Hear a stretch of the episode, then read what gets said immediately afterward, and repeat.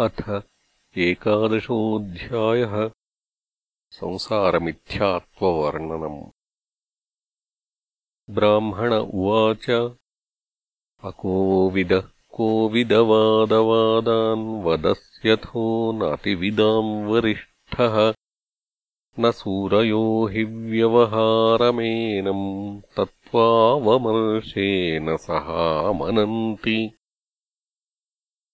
तथैव राजन्नुरुगार्हमेधवितानविद्योरुविजृम्भितेषु। न वेदवादेषु हि तत्त्ववादः प्रायेण शुद्धोऽनुचकास्ति साधुः। न तस्य तत्त्वग्रहणाय साक्षात्वरीयसीरपि वाचः समासन्। स्वप्ने निरुक् त्यागृहमेधिसौख्यम् न यस्य हेयानुमितम् स्वयम् स्यात्। यावन्मनोरजसा पूरुषस्य सत्त्वेन वा तमसा वानुरुद्धम्। चेतोभिराकूतिभिरातनोति निरङ्कुशम् कुशलम् चेतरम् वा। स वासनात्मा विषयोपरक्तो गुणप्रवाहो विकृतः षोडशात्मा बिभ्रत्पृथङ्नामभिरूपभेदम् अन्तर्बहिष्ट्वम् च पुरैस्तनोति दुःखम् सुखम् व्यतिरिक्तम् च तीव्रम्। कालोपपन्नम् फलमाव्यनक्ति। आलिङ्ग्यमायारचितान्तरात्मा स्वदेहिनम् संसृतिचक्रकूटः तावानयम् व्यवहारः सदाविहि क्षेत्रज्ञसाक्ष्यो भवति स्थूलसूक्ष्मः। तस्मान्मनोलिङ्गमदो वदन्ति गुणागुणत्वस्य परावरस्य। गुणानुरक्तम् व्यसनाय जन्तोः। क्षेमाय नैर्गुण्यमथो मनः स्यात्। यथा प्रदीपो घृतवर्तिमश्नन् शिखाः स धूमा भजति ह्यन्यदा स्वम्। पदम् तथा गुणकर्मानुबद्धम्। वृत्तिर्मनः श्रयतेऽन्यत्र तत्त्वम् एकादशासन्मनसो हि वृत्तयः आकूतयः पञ्चधियोऽभिमानः। मात्राणि कर्माणि पुरम् च तासाम्। वदन्ति हैकादशवीरभूमीः।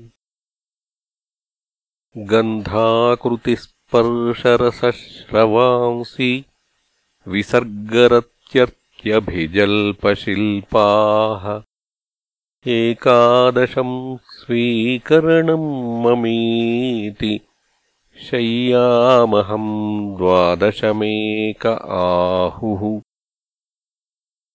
द्रव्यस्वभावाशयकर्मकालैः एकादशामी मनसो विकाराः। सहस्रशः शतशः कोटिशश्च।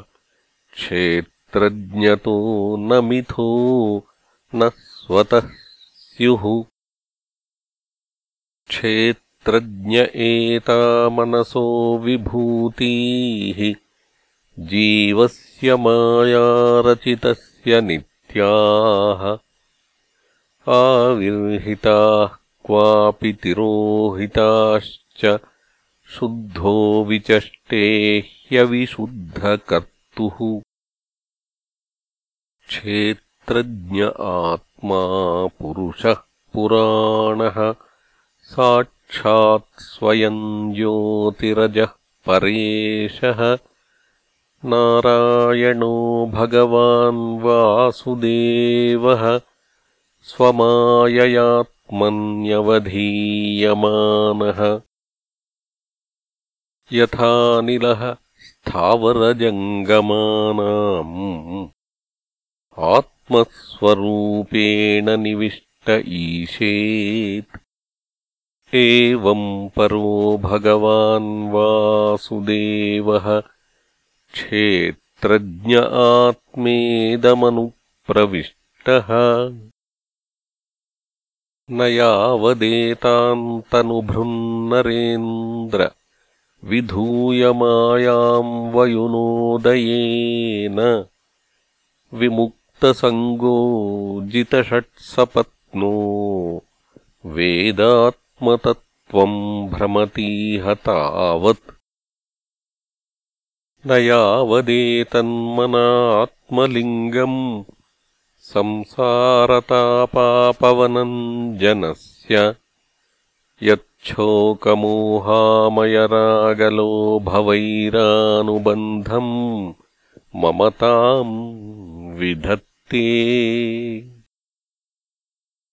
भ्रातृव्यमेनन्तददभ्रवीर्यम् उपेक्षयाध्येधितमप्रमत्तः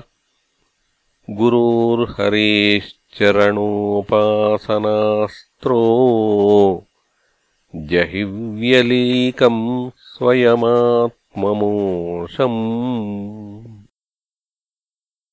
इति श्रीमद्भागवते महापुराणे पारमहंस्याम् संहितायाम् पञ्चमस्कन्धे एकादशोऽध्यायः